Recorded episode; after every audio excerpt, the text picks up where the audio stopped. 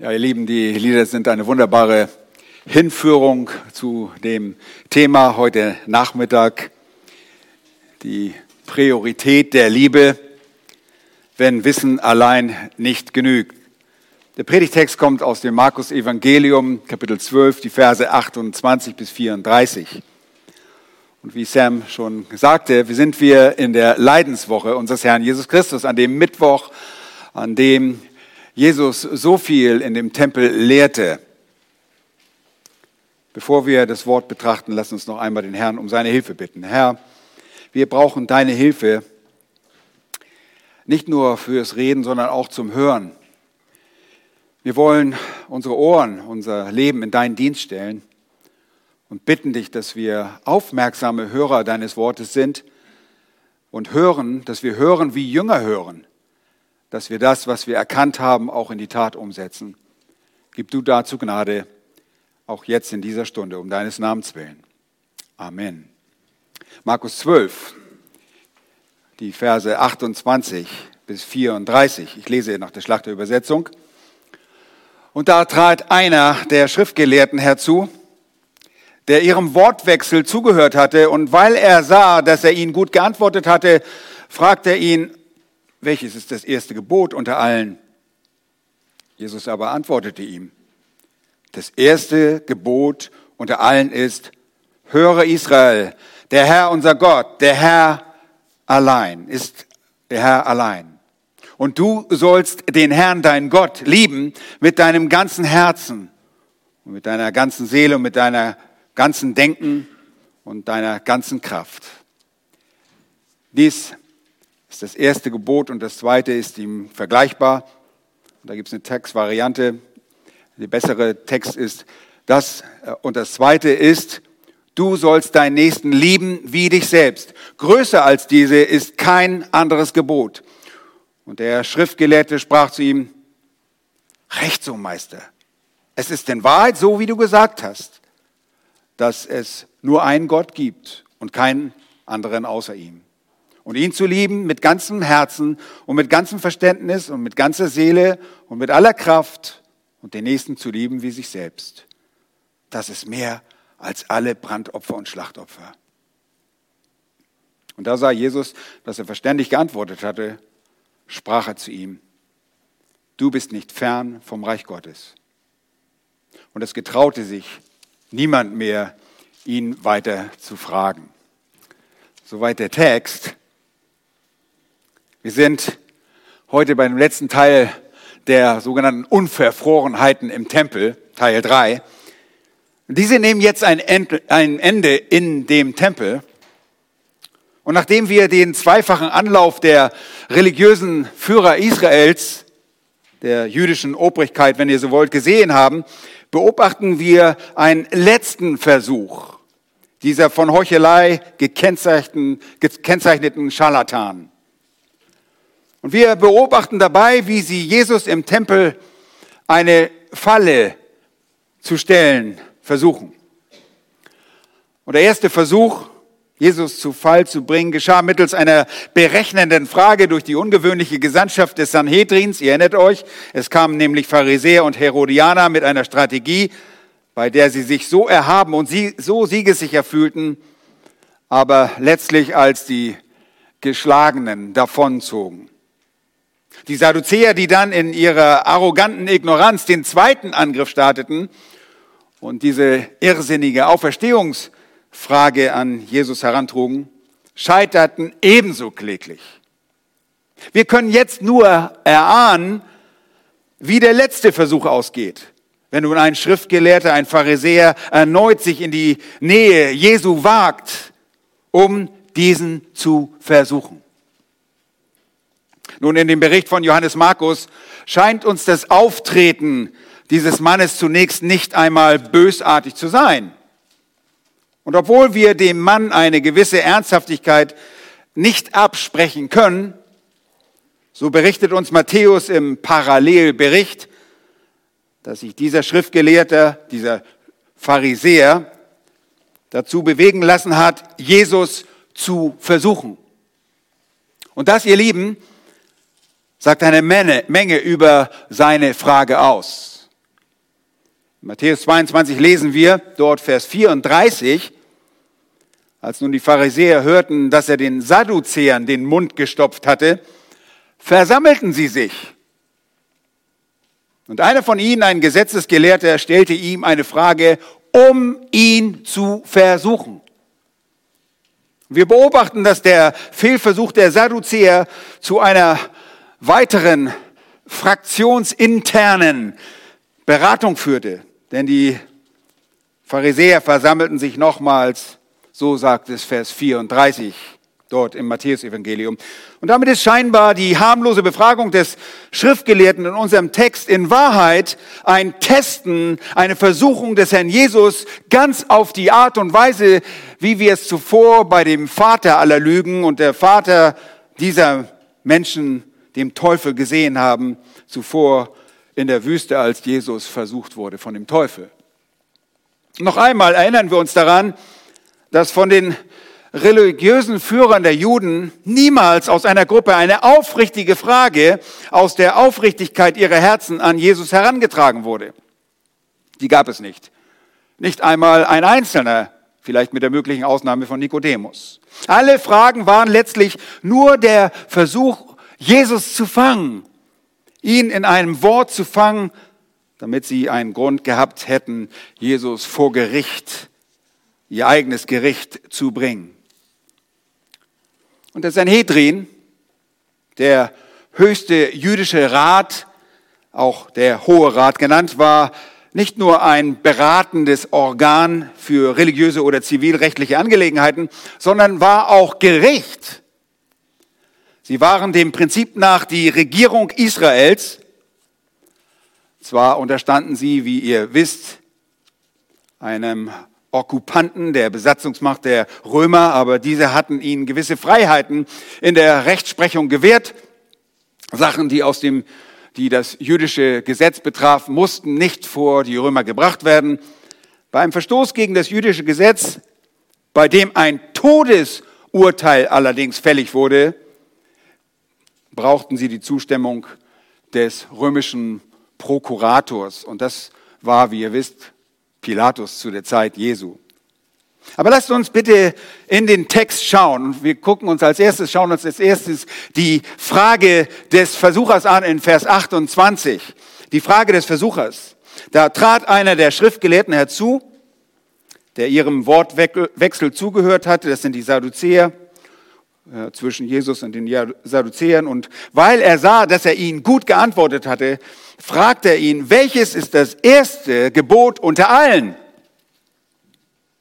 Nochmals, es ist in einer fast bemerkenswerten Demut, so sieht es aus und scheinbar auch ernst gemeint, wendet sich der Schriftgelehrte an Jesus. Aber nochmals ist es wiederum eine Versuchung, so wie der übereingekommene Rat der Pharisäer bestimmt und der gesamte Hohe Rat es beschlossen hatte, so will auch dieser Mann Jesus eines Fehltrittes oder von einer Fehleinschätzung, er möchte ihn einer Fehlschätzung überführen, ihn möglicherweise mit der Frage die Glaubwürdigkeit und Autorität entziehen, beim Volk lächerlich machen oder am liebsten des Vergehens am Gesetz überführen. Dazu muss man verstehen, dass die Schriftgelehrten, die Gesetzesgelehrten seit der Zeit der großen Synagoge sich weit vom Wort Gottes, dem Tenach, unserem Alten Testament, entfernt hatten. Durch ihre beständigen Diskussionen, das Argumentieren miteinander, nicht nur mehr über die Fragen des geschriebenen Gesetzes des Moses, sondern auch über die Fragen menschlicher Tradition, verliefen sie sich und wurden zu Lehrern von Menschen geboten. Ihr erinnert euch daran. Diese Traditionen entstanden aus ihrer Interpretation der Tora und wurden dem Wort Gottes als gleichwertig hinzugefügt. Das sind die Hinzufügungen, die über die Jahrhunderte seit der Zeit Esras, der im Judentum als Begründer der großen Synagoge betrachtet wird, hinzugefügt wurden. Und in ihren Argumenten miteinander ging es dann fortwährend darum, sich um die Gewichtigkeit der Gebote zu streiten. Wie schwer war ein Gebot Und war ein Gebot schwerer und bedeutsamer als ein anderes? Sie hatten sich auf insgesamt 613 Gebote festgelegt. 248 bestätigende, positive Gebote und 365 negative, negierende und Verbote, auch Gebote. Und ihr fragt euch vielleicht, woher kommt diese Zahl? Nun, sie kam auf die Idee, die Zahl mit der Gesamtzahl der Buchstaben der zehn Gebote im zweiten Buch Mose übereinstimmen zu lassen. Und das geschah aufgrund einer zu der Zeit existierenden und populär gewesenen Buchstabendeutung als Instrument der Schriftauslegung. Man zählte also die, die Buchstaben äh, des zehn, der zehn Gebote, des Dekalogs, und stellte fest, tja, das sind 613. Und man sah darin den Hinweis, entsprechend 613 äh, Gebote zu formulieren. Aufgeteilt nun nach der Summe der Körperteile eines Menschen 248, ich weiß nicht genau, wie Sie da drauf kommen, äh, und der Zahl, das sind Knochen und Organe, und äh, der Zahl der Tage eines Jahres 365, jeweils ein Gebot, ein Negativgebot für ein Tag des Jahres, machten die Gesetze 613 Gesetze aus. Und bei all diesen Geboten wurde die Frage nach der Priorisierung laut. Was war das schwerste Gebot? Wie war die Gewichtigkeit der Gebote überhaupt? Und das wurde bei den Rabbinern durch Diskussion ermittelt. Welches war wohl das Wichtigste? Und bei den jüdischen Lehrern ging es oft sehr heiß her, obwohl es die Auseinandersetzung, obwohl diese Auseinandersetzung und der Streit wirklich absurd war, waren. Und zwar so absurd, dass Jesus noch am selben Tag, und das verzeichnet uns wiederum nur Matthäus, das große Wehe über die, diese Heuchelei, über diese Heuchler ausspricht. Matthäus 23, ihr kennt es sicherlich. Wir haben nicht die Zeit, das alles anzusehen, aber wir schauen mal in diese Verse, dort Verse 23 und 24 in Kapitel 23 des Matthäus Evangeliums. Dort heißt es, Matthäus 23, die Verse 23 und 24. Wehe, ihr Schriftgelehrten. Jesus hat jetzt einen Schriftgelehrten vor sich aus den Pharisäern. Ein, ihr Schriftgelehrten und Pharisäer, ihr Heuchler, dass ihr die Minze und den Anis oder einige Übersetzungen sagen Dill und den Kümmel verzehntet und das Wichtigere im Gesetz vernachlässigt, nämlich das Recht und das Erbarmen und den Glauben. Dieses sollte man tun und jenes nicht lassen. Ihr blinden Führer, die ihr die Mücke aussiebt, das Kamel aber verschluckt. Deutliche Sprache. In Jesu Worten werden Minze, Anis oder wahrscheinlicher ist dort äh, Dill und Kümmel erwähnt. Und das sind Gartenkräuter, äh, die nicht wirklich die Art von landwirtschaftlichen Produkten waren, für die der Zehnte laut 3. Mose 27, Vers 30 gedacht war.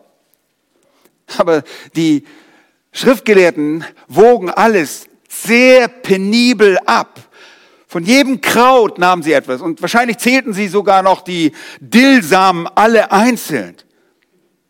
Und Jesus geht es bei dieser Frage nicht einmal darum, oder bei dieser Anklage nicht mal darum, ihre Befolgung der Feinheiten des Gesetzes zu verurteilen, das Problem war, dass sie die gewichtigeren Dinge, so sagt der Text, das Gericht und Barmherzigkeit, Dinge des Glaubens vernachlässigten. Die moralischen Prinzipien, die allen Gesetzen zugrunde liegen, vernachlässigten sie und genügten sich stattdessen damit, sich auf irgendwelche Nebensächlichkeiten und Äußerlichkeiten zu konzentrieren. Sie widersetzen sich absichtlich der geistlichen Bedeutung des Gesetzes. Und so macht Jesus darauf aufmerksam, dass sie sich auf diesen größeren Angelegenheiten konzentrieren müssten. Aber ihre Zeit war abgelaufen. Das Maß ihrer Verachtung quoll über. Und so diskutierten sie. sich selbst überlassen, dahingegeben in Nichtigkeiten zugrunde. Und so kommt jetzt eine Frage, die den Herrn aus dem Wehrwar ihrer Gedanken und dem Durcheinander ihres Glaubens fangen sollte.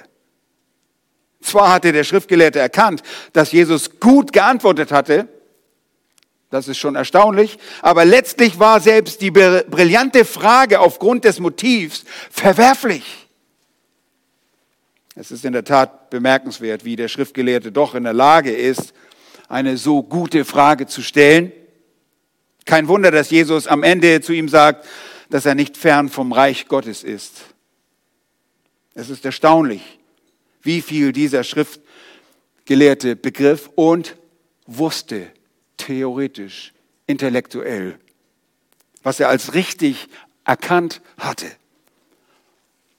Später mehr davon, aber darum geht es gerade. Es geht um die Priorität der Liebe und wenn Wissen nicht allein genügt, und das war bei ihm der Fall. Nun stellt er diese Frage, eine Frage, um Jesus zu versuchen, welches ist das erste Gebot unter allen? Welches der Gebote ist über allen anderen? Und damit erhofft er sich eine Fehleinschätzung des Herrn. Wir fragen, wo liegt denn die Versuchung? Er erhofft sich eine Fehleinschätzung des Herrn, dass er aufgrund der Lehre, die sie überhaupt nicht verstanden, sich irgendwo verehrte und sich möglicherweise gegen Mose stellte. Und diese Fehleinschätzung würde sie dann hoffentlich zu dessen Verurteilung führen. Welches ist das erste Gebot? Wir lesen weiter und sehen zweitens die Antwort der Liebe. Die Antwort der Liebe.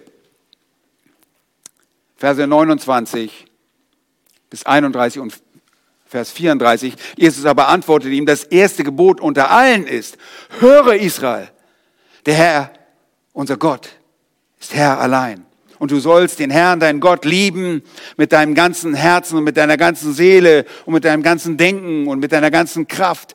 Dies ist das erste Gebot und das zweite ist, du sollst deinen Nächsten lieben wie dich selbst.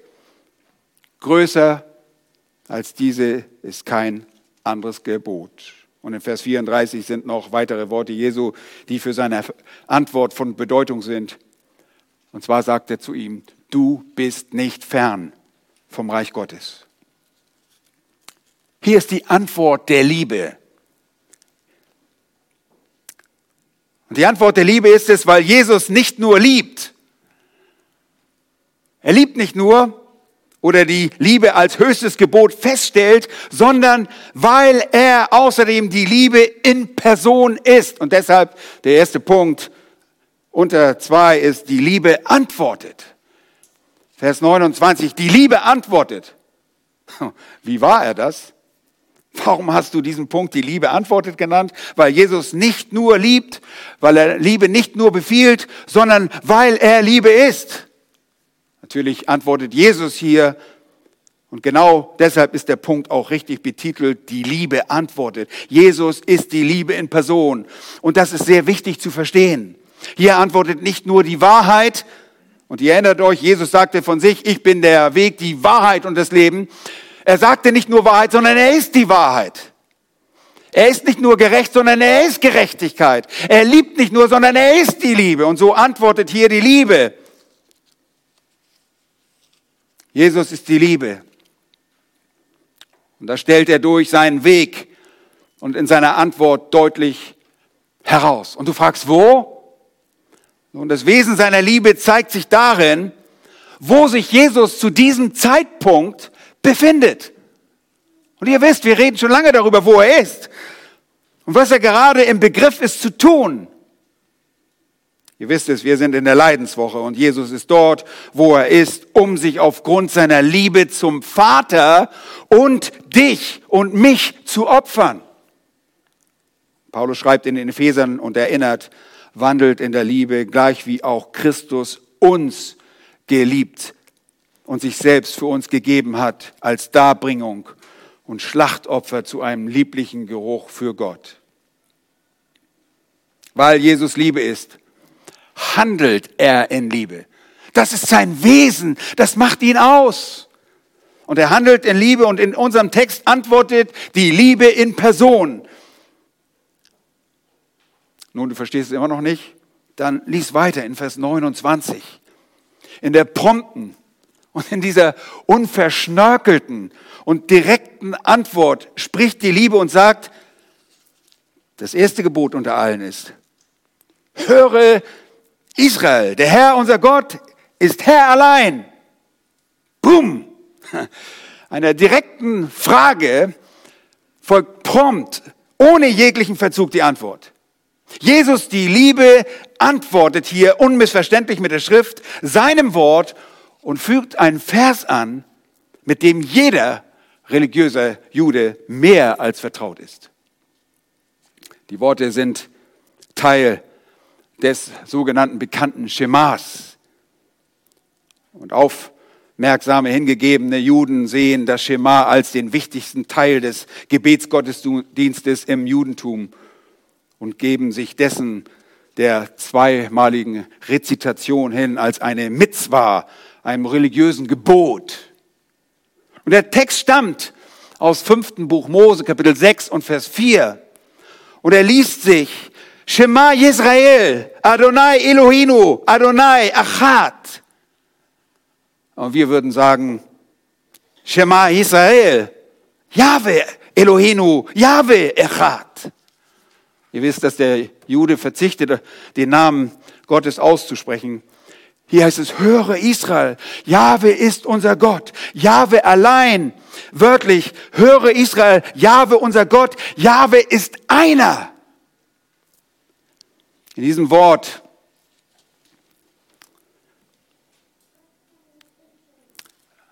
richtet Jahwe nicht nur die, fordert Jahwe nicht nur die größte Aufmerksamkeit, aber das tut er, denn er sagt was?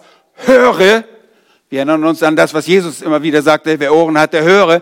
Er fordert die größte Aufmerksamkeit, aber er tut das nicht nur. Und er appelliert nicht nur an den monotheistischen Glauben. Er sagt nicht nur, ich bin der Einzige. Das ist nicht nur seine Absicht, obwohl er das tut. Wir haben nur einen Gott. Die Israeliten haben nur einen Gott. Sie haben nur an einen Gott glauben. Sondern er betont zugleich seine Einheit. Und das ist sehr wichtig. Es geht um Jahwes Einheit in diesem Vers. Ja, er ist der alleinige Gott. Ja, es gibt keine Götter neben Jahwe. Und ja, er ist der dreieine Gott. Gott der Vater, Gott der Sohn und Gott der Heilige Geist sind nicht etwa drei Götter. Oh nein. Ihr wisst, mit diesem Verständnis der Einheit haben Sekten und der Judaismus so ihre lieben Schwierigkeiten, denn sie fragen, wie kann Jesus, der Sohn Gottes, Gott sein und äh, der Vater auch Gott sein. Das geht doch nicht, dann hast du ja einen polytheistischen Glauben. Das, das passt irgendwie nicht.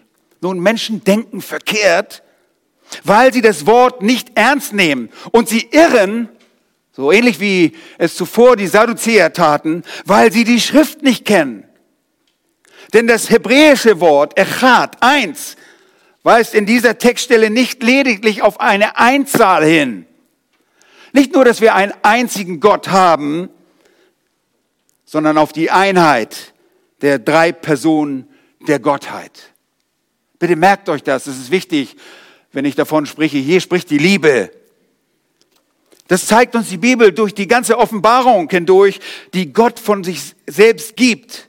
Und so auch hier. Und das ist auch das Anliegen von Johannes Markus, dass wir feststellen, dass Jesus der Sohn Gottes ist. Er möchte, dass alle Leser erkennen, dass er der Sohn Gottes ist, die zweite Person der Gottheit. Nun, die Schreiber der Heiligen Schrift geben nicht ein polytheistisches Bild ein, äh, von dem lebendigen Gott, also nicht ein Mehrgottglauben, gewiss nicht. Wir wissen uns nur einem Gott verpflichtet und es ist das Bild der Einheit, und Jesus erklärte zuvor in seinem Dienst auch unmissverständlich, wir erinnern uns an die Worte in Johannes 10, Vers 30, er sagt, äh, ich und der Vater sind eins. Was hat das mit der Tatsache zu tun, dass Jesus Liebe ist? Ich bin noch nicht fertig, ich darf euch jetzt nicht verlieren, bleibt bei mir. Der Apostel Johannes unter der Leitung des Heiligen Geistes in 1. Johannes 4 schreibt gleich zweimal was. Er sagt, Gott ist Liebe. Gott ist Liebe. 1. Johannes 4, Vers 8 und 1. Johannes 4, Vers 16. Lieben, und wir haben einen drei einen Gott, dessen Wesen die reinste Liebe ausmacht. Und das, was wir in 5. Mose 6 lesen, das sprach Jahwe, Gott der Vater, das sprach Jahwe der Sohn und das sprach Jahwe der Heilige Geist. Dort in 5. Mose 6 redet nicht nur ein Drittel Gott. Da reden nicht zwei Drittel Gott, sondern da reden drei Drittel Gott, ein Gott. Jesus stellt mit der Anführung dieser Schriftstelle aus dem Buch Mose heraus, dass Jahwe der eine Gott ist. Und er wiederholt den Schriftgelehrten jetzt, was er selbst, nämlich Jesus selbst, in seiner Präinkarnation, vor seiner Inkarnation, 1500 Jahre durch Mose, dem in den Ebenen lagernden verharrenden Volk, Ebenen Moabs verharrenden Volk Israel verordnete. Jesus spricht dort im Tempel noch dieselbe Botschaft. Und damit gibt er die Liebe in Person dem Pharisäer eine wohlbekannte und zweiteilige, präzise und richtige Antwort auf seine Frage. Und der erste Teil davon ist in Vers 40 äh, Vers 30. Schaut einmal. Die Liebe zu Gott als erstes Gebot. Vers 30. Und du sollst den Herrn im Tanach, Jahwe, deinen Gott, lieben mit deinem ganzen Herzen, mit deiner ganzen Seele, mit deinem ganzen Denken, mit deiner ganzen Kraft. Das ist das erste Gebot. Und Jahwe sagte damals und Jahwe wiederholte jetzt, und es gilt weiterhin was er in dem fleischgewordenen Wort zum Ausdruck bringt, du Israel, du Volk Israel, du sollst ja wieder deinen Gott lieben, denn Liebe ist das, was mich ausmacht und ist somit auch die höchste Tugend der Kinder Gottes. Nun, wie soll geliebt werden? Schaut einmal die Aufteilung hier. Du sollst sie lieben mit deinem ganzen Herzen, dann mit deiner ganzen Seele, mit deinem ganzen Denken und mit deiner ganzen Kraft. Übrigens, die Anwendung für uns ist, dass wir genauso unseren Gott lieben. Gott ist unverändert. Nicht nur der Gott Israels, sondern es gibt nur einen Gott. Er ist unser Gott. Ihr Lieben, diese Ausdrucksweise spricht von der Forderung einer kompletten Hingabe an Jahwe. Es spricht von der allein akzeptablen Art und Weise, Gott anzubeten dem einzig gültigen Standard. Mehr als das, was hier beschrieben wird, umfassender kann Liebe nicht ausgedrückt und keine Forderung kann umfassender ausgedrückt werden. Es ist die Liebe, die in ihrer reinsten Form nur durch Gott ausgedrückt wird, in der bestehenden intertrinitaren Beziehung Jahwes. Nun, lass mich das erklären, bevor ihr schon wieder abschaltet. Was meine ich mit intertrinitarer Beziehung? Es ist die Liebesbeziehung der drei, drei Personen der Gottheit.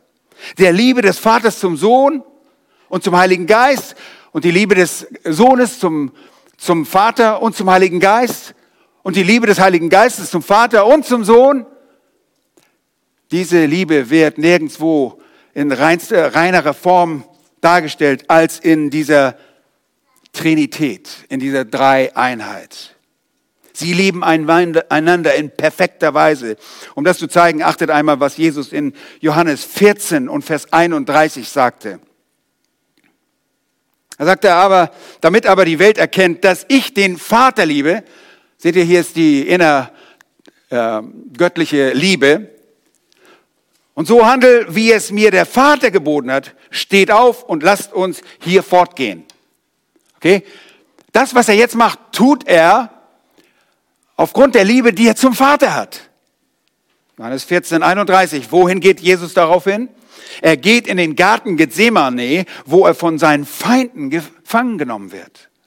Jesus geht Zielstrebung auf den Tod zu, damit er das erfüllte, was ihn sein Vater geboten hatte. Ihr Lieben, das ist Ausdruck der Liebe des Sohnes zum Vater. Und er bringt damit seine Liebe in reinster Form zum Ausdruck. Und ihr erinnert euch auch an die Liebe des Vaters zum Sohn. Ähm, wir erinnern uns im, in der Offenbarung Gottes äh, bei der Taufe des Johannes, als der Vater sprach, dies ist mein geliebter Sohn, an dem ich wohlgefallen habe und später auch bei der Verklärung nochmals, dies ist mein geliebter Sohn. Bleibt euch übrig zu zeigen, dass der Geist Liebe ist. Und dafür erinnern wir uns nur an Römer 5. Wir sind auch sehr in Römer belehrt worden. Römer 5 sagt Paulus, die Liebe Gottes ist ausgegossen in unser Herzen durch wen? Durch den Heiligen Geist, der uns gegeben worden ist. Das ist Liebe. Wir haben Gottes Liebe durch die Person des Heiligen Geistes in uns. Und diese Liebe können wir deshalb auch weitergeben. Zu sagen, wir können nicht lieben, ist ein Sündenbekenntnis. Die Lieben ist das Wesen des Heiligen Geistes und deshalb wird sie zum Motor im Gläubigen, den Vater und den Sohn zu lieben, so wie auch den Nächsten. Mehr geht nicht in der Liebe. Mehr als das, was in der Gottheit offenbar wird. Und diese Liebe und der Ausdruck der Liebe wird von dir und mir gefordert. So werden die Israeliten gefordert, so werden wir gefordert. Da steht vom Herzen, das ist zum einen der Sitz des Willens und der Sitz der Emotionen. Die Juden gebrauchten das eigentlich äh, äh, als Synonyme. Äh, das Herz war Sitz der Emotionen sowie der Gedanken. Äh, wir denken an Sprüche 4, weil wir unser Herz bewahren sollen, weil von ihm das ganze Leben ausgeht. Und wir sagen das heute auch noch, wenn wir jemanden komplett lieben oder zur Bekräftigung, wenn wir etwas ernst meinen, sagen wir von ganzem Herzen. Und wir tun das mit einem, von, mit dem ganzen inneren Menschen ausgedrückt durch die Seele hier. Liebe ist nicht eine Angelegenheit des Fleisches, ist nicht eine äußerliche Funktion, sondern kommt aus dem Innern des Menschen und drückt sich durch das Leben aus angetrieben durch den Geist Gottes, der in uns wohnt. Und wir richten dabei, und hier wird auch das Denken angesprochen, mit deinem ganzen Denken, wir richten unser ganzes Denken bewusst auf die Wahrheit aus, bewusst auf das, was Gott gesagt hat. Denn Gott ist Geist und die ihn anbeten, müssen ihn in Geist und in der Wahrheit anbeten. Johannes 4, 24. In dieser Johannesstelle spricht Jesus von dem menschlichen Geist, der in der Liebe zu Gott vollständig und komplett auf Gott ausgerichtet sein muss. Um Jahwe, deinen Gott zu lieben, bedarf es der Disziplin deiner Gedanken und es bedarf deiner ganzen Kraft. Ich sag's nochmal, um Gott zu lieben, musst du dich ihm gedanklich ganz hingeben. Und es bedarf deiner ganzen Kraft. Denn er gibt sich nicht mit weniger zufrieden. Wir sind als Kinder Gottes nicht mehr kraftlos, sondern angetan mit der Kraft aus der Höhe, spricht wieder von der bekräftigenden Macht des Heiligen Geistes. Nichts weniger als totale Hingabe reicht für Gott. Wir erinnern uns an die Worte, die Jesus im Matthäus-Evangelium spricht und sagt dort in Matthäus Kapitel 10, Vers 37, wer Vater oder Mutter mehr liebt als mich, der ist meiner nicht wert. Und wer Sohn oder Tochter mehr liebt als mich, der ist meiner nicht wert. Wir tun gut daran, uns diese Frage selbst zu stellen. Liebe ich, liebst du deinen Herrn mit dieser Intensität? Ist das dein Verlangen auf Gott diese maximale Art, auf diese maximale Art und Weise zu lieben? Möchtest du das? Das Vorbild der Liebe ist in unserem Text Jesus, ist Christus selbst, der im Begriff ist, sich selbst zu geben für dich. Wir sollen ihn in der Liebe imitieren. Und das gilt nicht nur für Ehemänner, auch wenn heute Muttertag ist, wenn auch ganz besonders. Aber die Erwartung und der Befehl gilt allen. Wenn Paulus in Epheser 5 sagt, 1 und 2, werdet nun Gottes Nachahmer als geliebte Kinder, spricht von seiner Liebe, und wandelt in der Liebe gleich wie auch Christus uns geliebt und sich selbst für uns gegeben hat, als Darbringung und Schlachtopfer zu einem lieblichen Geruch für Gott.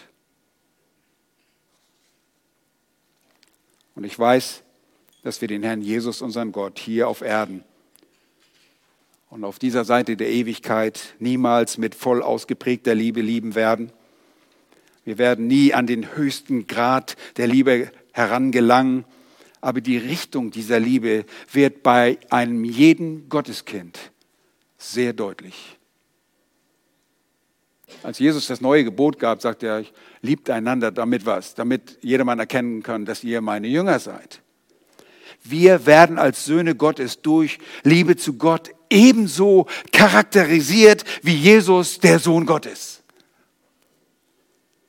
Und das war Petrus, 2. Petrus 1, denke ich. Wir sind seiner, äh, wie heißt es da, der, seines Wesens teilhaftig geworden.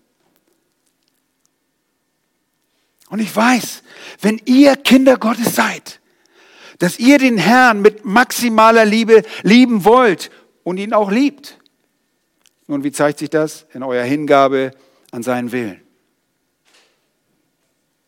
Es zeigt sich in der Hingabe an sein Wort und ich weiß, dass ihr das Wort Gottes liebt, denn die Schrift ist der Ausdruck seines Wesens und zeigt seine Absichten. Und deshalb liebt ihr das Wort Gottes. Es gibt keinen Christen, der das Wort Gottes nicht liebt.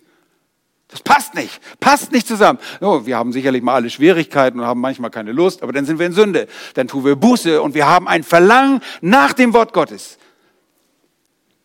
Wenn ihr jemanden liebt, was wollt ihr dann? Dann wollt ihr diese Person kennenlernen, dann wollt ihr mehr über diese Person wissen, damit ihr dieser Person gefallen könnt. Ihr wollt wissen, welche Dinge sie mögen, welche Dinge sie gerne tun, was sie gerne essen oder woran sie denken. Als Christen, als Christen wollt ihr Jahwe, unseren Gott, kennen. Und ihr wollt ihn innig kennen. Und in dem Anliegen, ihn recht zu lieben, trachtet ihr danach, sein Wort kennenzulernen. Warum? Weil ihr die Gebote Gottes halten und ihm gehorsam sein wollt. Und ihr könnt sogar prüfen, wie sehr ihr den Herrn tatsächlich liebt. Man prüft einfach nur einmal ganz ehrlich euren Umgang mit ihm.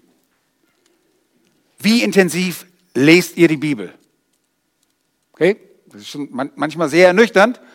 Ja, fünf Minuten, ah, keine Lust mehr, das war, ich habe meine stille Zeit gemacht, abgehakt, fertig. Wisst ihr was? Seid ehrlich mit euch selbst.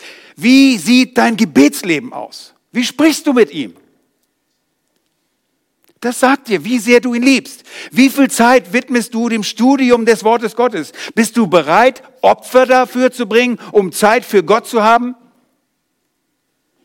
Zu welchen Dingen kannst du dich entschließen, dass du sie um Christi willen streichst?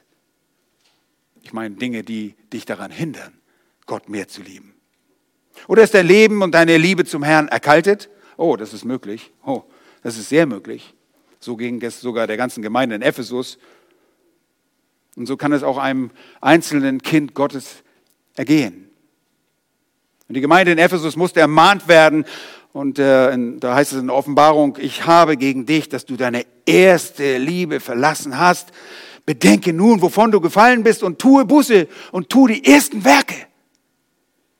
Unsere erste Liebe und sie hatten die Liebe verlassen, das ist Christus. Es ist unser Gott. Und diese Liebe ihm gegenüber zu versäumen, ist nicht ein neutrales Versäumnis. Das ist nicht irgendeine Option, sondern ein grober Verstoß, eine schwerwiegende Sünde. Liebe gegenüber unserem Retter ist nicht Option, sondern eine Verpflichtung, eine wesensmäßige Verpflichtung, die wir gerne tun. Die Unterlassung derselben erfordert eine aufrichtige Buße und eine Neuorientierung im Gehorsam. Und Jesus betont die Liebe zu Gott als das erste und das oberste Gebot. Die Liebe zu Gott, ihr Leben ist religiösen Heuchlern fremd. Oh, das heißt nicht, dass sie nichts wissen. Oh, schaut euch diesen Mann an. Der weiß so viele Sachen. Aber die Liebe zu Gott ist ihm fremd. Und der Gehorsam ist ihnen eine leidige Pflicht. Ach, Gottesdienst gehen. Ach, wieder beten. Ach, ich muss wieder meine Bibel lesen. Ist das schlimm? Nein, der Gehorsam darf niemals eine leidige Pflicht sein, niemals ein Akt, den wir uns zwingen müssen und sagen, da ist nichts, was mir daran Freude bereitet. Der Gehorsam ist ihnen, eine, den religiösen Heuchlern, eine leidige Pflicht, niemals ein Akt der Liebe zu Gott. Und da ist dann noch der zweite Teil, der ihnen dann noch schwieriger fällt, weil der erste nicht vorhanden ist. Und damit hatten die Pharisäer ebenso ihre Probleme, denn das taten sie überhaupt nicht, den Nächsten zu lieben wie sich selbst. Die Liebe zum Nächsten war ihnen fern, sie liebten ihresgleichen, weil sie sich daraus Vorteile versprachen. Nun, Jesu Antwort kommt aus dem zweiten Teil ist ein zweiter Teil und kommt aus dem dritten Buch Mose, Kapitel 19, Vers 18. Du sollst deinen Nächsten lieben wie dich selbst. Die Liebe zum Nächsten als zweites Gebot, Vers 31. Und da heißt es, und das zweite ist, wie gesagt, eine Variante, ist besser, das hier nicht mit zu erwähnen. Das zweite ist, du sollst deinen Nächsten lieben wie dich selbst. Größer als diese ist kein anderes Gebot. Und Jesus fügt erklärend hinzu, du sollst deinen Nächsten lieben wie dich selbst. Meine Güte, haben wir richtig gelesen? Lehrt die Bibel einen Narzissmus, eine Selbstbewunderung und Selbstverliebtsein? Nein, definitiv nicht. Aber Jesus zeigt an dieser Stelle die natürliche Eigenschaft, das natürliche Wesen des Menschen, für sich selbst zu sorgen. Und ich meine, wen hast du heute Morgen angezogen und gewaschen? Und ich rede nicht jetzt von den kleinen Kindern, die du gewaschen hast vielleicht, sondern dich selbst. Wen hast du im Spiegel angeschaut, bevor du zum Gottesdienst gekommen bist? Wobei ich bei einigen Zweifel habe, ob ihr im Spiegel geguckt habt. Äh, wenn du zum Arzt gehst, nun, dann interessiert es dich, mit welch einem Arzt oder Quacksalber du es zu tun hast, oder? Nun, so wie du sicherlich nicht zu irgendeinem in Verruf geratenen Arzt gehen würdest und ihn besuchen möchtest, so solltest du auch nicht für deinen Nächsten sorgen. Du schick bitte nicht deine Frau zum Veterinär, weil die Tiermediziner schnell einen Termin vergeben. Du suchst das Beste aus Liebe für den Nächsten und der Nächste ist nicht einmal immer ein Familienmitglied. Der Nächste ist derjenige, der deine Liebe braucht. Und wir erinnern uns an den barmherzigen Samariter. Als Jesus auch von dieser, über diese Frage sprach und die Bedeutung des ersten und zweiten Gebotes sprach.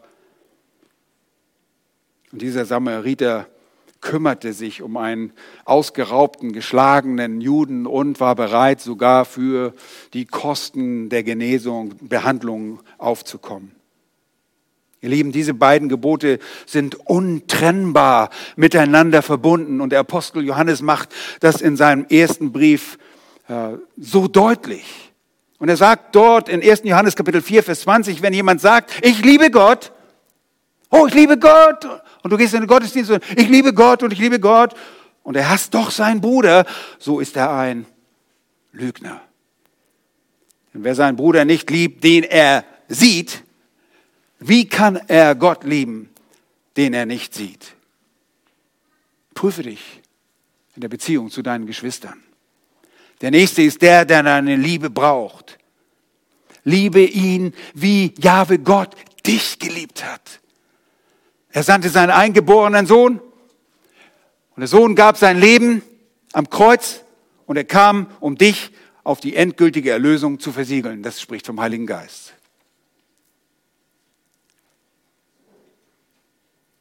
Liebe mit der Liebe, die er dir gegeben hat und mit dem, mit der du ihn zurückliebst. Setz es dir auch zum täglichen Ziel, deinen Nächsten zu lieben. Nimm dir konkret vor, diese Liebe zum Ausdruck zu bringen. Wie, wie macht man das? Plane und sinne über eine Strategie nach, das zu tun. Setze deinen Liebesplan um setzt dir vielleicht einen Termin dabei und sagt, ich werde lieben und das und jenes tun, ganz konkret. Jakobus sagt, seid nicht nur Hörer des Wortes, sondern Täter desselben. Gebrauche deine ganze Kraft dazu, Denn wenn du Jahwe zuerst liebst, dann kann die Liebe zum Nächsten nicht fehlgeleitet werden. Und wir lieben jeden, wenn auch mit verschiedenen Abstufungen, ob sie Hausgenossen Gottes sind oder Feinde. Wir lieben. Und die wahre Liebe hat das Leben zur Folge. Wenn ihr nochmal zur Matthäus-Stelle geht, in Matthäus 22, bitte schlagt das mal ganz kurz auf, da gibt es einen wichtigen Zusatz am Ende. Matthäus 22 und Vers 40. Da sagt Jesus noch, an diesen zwei Geboten, nämlich das Gebot, Jahwe dein Gott zu lieben und deinen Nächsten wie dich selbst. An diesen zwei Geboten, heißt es hier, hängen das ganze Gesetz und die Propheten. Was heißt denn das? Und das bedeutet, dass die moralische Verantwortung für uns als Kinder Gottes an zwei, in zwei Kategorien liegen. Einmal gegenüber Gott und gegenüber den Menschen. Und das fasst die Propheten, den, das Gesetz und die Propheten, das steht für das ganze Alte Testament. Das fasst alles zusammen. Diese beiden Gebote, mit diesen beiden Geboten erfüllst du das ganze Wort Gottes.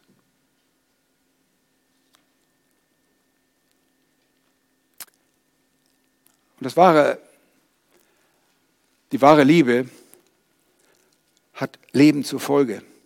Und das ist der Punkt, die Liebe vereint. Und hier wird es bei dem Schriftgelehrten negativ ausgedrückt, was, sich als kind, was dich als Kind Gottes betrifft. In Vers 34, du bist nicht fern vom Reich Gottes. Mit anderen Worten, du bist nicht im Reich Gottes, du hast es verfehlt. Während der heuchlerische Pharisäer das Ziel im Leben versäumt, für Christus zu leben und ein Erbe des Lebens zu werden, für dich als liebender Mensch gilt die Wahrheit, dir gehört das Reich. Und achtet einmal, was der Halbbruder unseres Herrn Jesus Christus schrieb. Jakobus schreibt in Jakobus 1, Vers 12. Glückselig ist der Mann, der die Anfechtung erduldigt. Nachdem er sich bewährt hat, wird er die Krone des Lebens empfangen. Und eben, das, sind, das ist nicht irgendwie so ein Goldding da mit ein paar Diamanten obendrauf, sondern das ist die Krone, die das Leben selbst ist. Das ist die Krönung, dass du das ewige Leben hast, welche der Herr denen verheißen hat, die was? Die an ihn glauben? Nein, er sagt, die ihn lieben. Ihr Lieben, die Liebe ist die beste Bezeichnung, die beste Definition für das Verhältnis eines Christen eines, oder Beschreibung eines Christen. Wir glauben nicht nur, das tun auch die Dämonen und zittern, sondern wir lieben Christus. Wem wird hier das ewige Leben, die Krone des Lebens versprochen? Den, die den Herrn lieben. Deshalb sagt Paulus im Kolosse 1, Vers 13, er hat uns errettet aus der Herrschaft der Finsternis und hat uns versetzt in das Reich des Sohnes seiner Liebe. Das Reich Gottes, das zum einen den Herrschaftsbereich Gottes beschreibt und zu dem wir jetzt schon gehören, weil Gott uns regiert, ist aber auch ein tatsächliches Reich. Ein reales Reich, das wir auf einer wiederhergestellten Erde zu erwarten haben und im ewigen Zustand auf einer neuen Erde und einem neuen Himmel werden wir in diesem Reich für immer leben. Wir sind als Söhne Gottes Miterben Christi und Erben des ewigen Reiches. Wir werden mit Christus in diesem Reich herrschen, regieren und richten. Und auf diese Weise sind wir mit Christus als eine, seine Braut vereinigt, für immer vereinigt. Oh, wie wunderbar das ist. Meine Güte. Ihr Lieben, Welch eine Tragik. Welch eine Tragik, diese wichtige Wahrheit der Schrift zu kennen und darüber zu wissen. Und, und die Pharisäer wussten, wer der Herr ist. Wir erinnern nur an Johannes 3, als Nikodemus bei Nacht dort war. Wir wissen, dass du von Gott bist. Sie wussten so viel. Sie hatten volle Evidenz, wer er ist. Sie hatten die Wunder gesehen. Es konnte ihnen nicht mehr gegeben werden. Wie tragisch, die Worte zu hören du bist nicht fern vom Reich Gottes. Und das einem Schriftgelehrten zu sagen, einem Schriftgelehrten, der sowieso sich als ein Nachkomme Abrahams und aufgrund dieser Tatsache schon im Reich Gottes sah. Verfehlt? Das Reich Gottes verfehlt? Das muss einen Schock ausgelöst haben. Leben, welch eine Tragik. die Schrift zu kennen und darüber zu wissen, ihr aber nicht zu vertrauen. Und ihr Lieben, wahrer Glaube ist wahres Vertrauen und bringt durch das Werk des Geistes die Frucht hervor, die die Liebe ist. Nun bitte schaut nochmal in den Text, was für den Schriftgelehrten zutrifft. Drittens die Tragik des Nurwissens, genau, Verse 32 bis 34. Der Schriftgelehrte, äh, der erste Punkt ist das erstaunliche Wissen. Der Schriftgelehrte hört Jesu wohl zu und er reagiert zunächst freundlich und erfreulich zumindest, nicht freundlich, aber erfreulich und erstaunlich, gut. Kann er das einordnen? Der Schriftgelehrte sprach zu ihm, Recht so, Meister. wir wissen nicht, ist dieses Meister ein weites Schmeicheln oder ist er tatsächlich davon überzeugt? Möglicherweise ist er innerlich überzeugt von dieser Wahrheit und er hat volle Erkenntnis und er sagt, das ist richtig, das ist richtig, das ist richtig. Es ist in Wahrheit so, wie du sagst, dass es nur einen Gott gibt und keinen anderen außer ihm. Und ihn zu lieben mit ganzem Herzen und mit ganzem Verständnis und mit ganzer Seele und mit aller Kraft und den Nächsten zu lieben wie sich selbst, das ist mehr als die Brandopfer und Schlachtopfer. Wow! Der Schriftgelehrte bejaht die Worte und er stimmt Jesus zu. Er bestätigt die Wahrheit dieser Aussagen Jesu und erkennt offenbar auch die Tatsache eines einzigen Gottes an. Er verpflichtet, er pflichtet der Priorisierung Jesu bei, was er über die Gebote sagt, den Wert, die Schwere der Gebote. Er unterstützt dessen Auffassung von Liebe zu Gott und Liebe zu dem Nächsten. Er erkennt, dass diese Dinge den äußeren Akten von Brand und also den Ritual von Brandopfer und Schlachtopfer überlegen sind. Vielleicht war dieser Mann sich der Begegnung zwischen Samuel und Saul bewusst, als der letzte Richter und Prophet von Israel, dem ersten König von Israel, nach dessen Ungehorsam diese wichtige Frage stellte in 1 Samuel 15, 22 fragt er, hat Jahwe dasselbe Wohlgefallen an Schlachtopfern und Brandopfern wie daran, dass man der Stimme Jahwes gehorcht? Und er antwortete, siehe, Gehorsam ist besser als Schlachtopfer und Folgsamkeit besser als das Fett von Widdern. Saul liebte nicht ausreichend. Er folgte Gottes Anweisung nicht. Er war nicht bereit. Er war eigenwillig. Sein Ungehorsam, sein Eigenwille offenbarte sich in der Tatsache, dass er einfach nicht gehorsam war. Aber dieser Schriftgelehrte, er wusste doch alles. Er kannte offenbar viele Wahrheiten. Er war vertraut mit der Bedeutung des Schemas. Aber es gab einen, einen großen Haken. Er verkannte Jesus. Er wollte den Herrn nicht. Und er wollte ihn nicht lieben. Das ist so eine große Tragik. Wir leben so eine große Tragik. Und das ernüchternde Urteil ist der letzte Punkt, indem er sagt, nicht ganz der letzte, der vorletzte, indem er sagt, du bist nicht fern vom Reich Gottes. Lieben, das wäre etwas Schlimmes, wenn ihr das hören müsstet. Wenn ihr ein und aus in diese Räumlichkeiten kommt und von Gott hört und ihr wisst und ihr seid belehrt worden, vielleicht über Jahre und ihr sagt, ja, ich kann das alles aufsagen, aber ihr liebt den Herrn nicht. Oh, wenn es bei dir der Fall ist, dann tu heute Buße. Der Herr Jesus Christus möchte dir gerne begegnen und dir vergeben. Er stößt niemanden raus, der zu ihm kommt. Oh, ein vernichtendes Urteil. Wenn du so vor dem Richter stehst, dann bist du ein großer Verlierer. Dann ist der Super-GAU geschehen. Stellt euch vor, das muss sich ein Gelehrter der Schrift sagen lassen. Er schießt mit seiner Religiosität am Ziel vorbei. Ich glaube, eins der schrecklichsten Tatsachen der heutigen Zeit ist, dass unsere Kirchen sogar voll sind mit Menschen, die irgendwie an Gott glauben, aber Jesus nicht kennen. Und der Verlust des Reiches bedeutet nicht nur dessen Verzicht, sondern die Tatsache der ewigen Verdammnis, der Vereinigung der Bösen im Reich der Finsternis der ewigen Hölle. Wie schrecklich. Oh, du wärst fast, fast am Ziel angekommen. Könnt ihr euch diese ewige Qual vorstellen, in der ewigen Verdammnis sich immer wieder dazu erinnern, ich wusste es doch. Und keine Ende, keine Aussicht zur Änderung. Ich wusste es doch. Nun, du musst deine Knie beugen.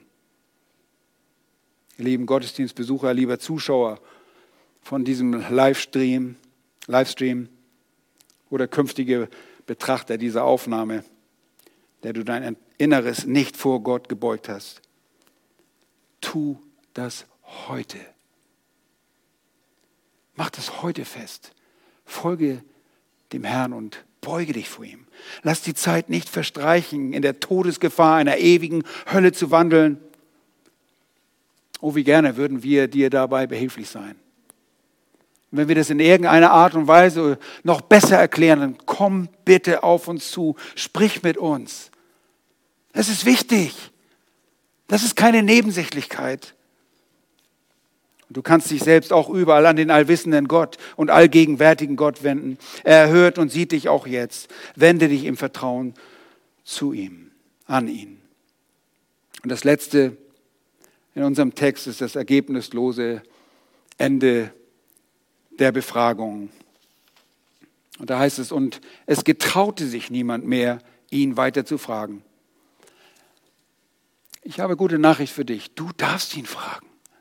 Du kannst ihn fragen. Dieses Ereignis stellte den traurigen Höhepunkt in der Geschichte der religiösen Leiter und dem Volk der Juden zur Zeit Jesu dar. Sie lehnten Jesus als Gott ab. Sie lehnten ihn ab und sie töteten den Fürst des Lebens und brachten die Blutschuld Jesu über das ganze Volk. Wisst ihr, warum es den Juden so schlecht geht? Weil sie die Blutschuld des Herrn Jesus Christus über sich brachten.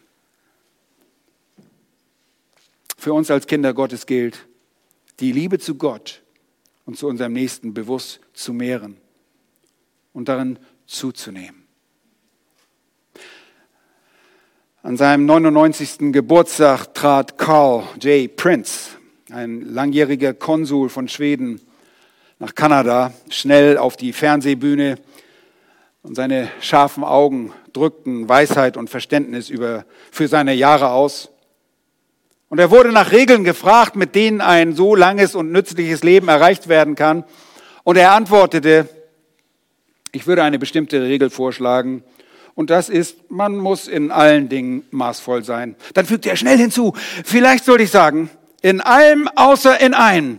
Denn in der Bibel kann man die Gebote lesen, den Herrn zu lieben mit ganzem Herzen, ganzer Seele und ganzem Verstand und deinen Nächsten wie dich selbst. Das sind die einzigen Dinge, die wir mit Recht im Übermaß tun können. Ein weiser Rat, lasst uns den Befehl des Herrn und den Ratschlag dieses alten Mannes Folge leisten. Lass uns beten. Herr, wir sind dir so dankbar, dass du deine Liebe offenbart hast und dass wir selbst lieben können, weil du uns zuerst geliebt hast. Herr, du forderst keine Erfüllung von irgendwelchen Details, von irgendwelchen Ritualen. Wir lesen nicht die Bibel in einem bestimmten Minutentakt und wenn wir dem nicht gerecht werden, dann wirst du uns strafen. Nein, du Herr, du möchtest nur, dass wir dich lieben. Und danke, dass du dazu die Voraussetzungen geschafft hast, weil du uns zuerst geliebt hast, uns deinen Geist ausgegossen hast und mit deinem Geist die Liebe, der uns die Frucht des Geistes schenkt, die wiederum Liebe ist.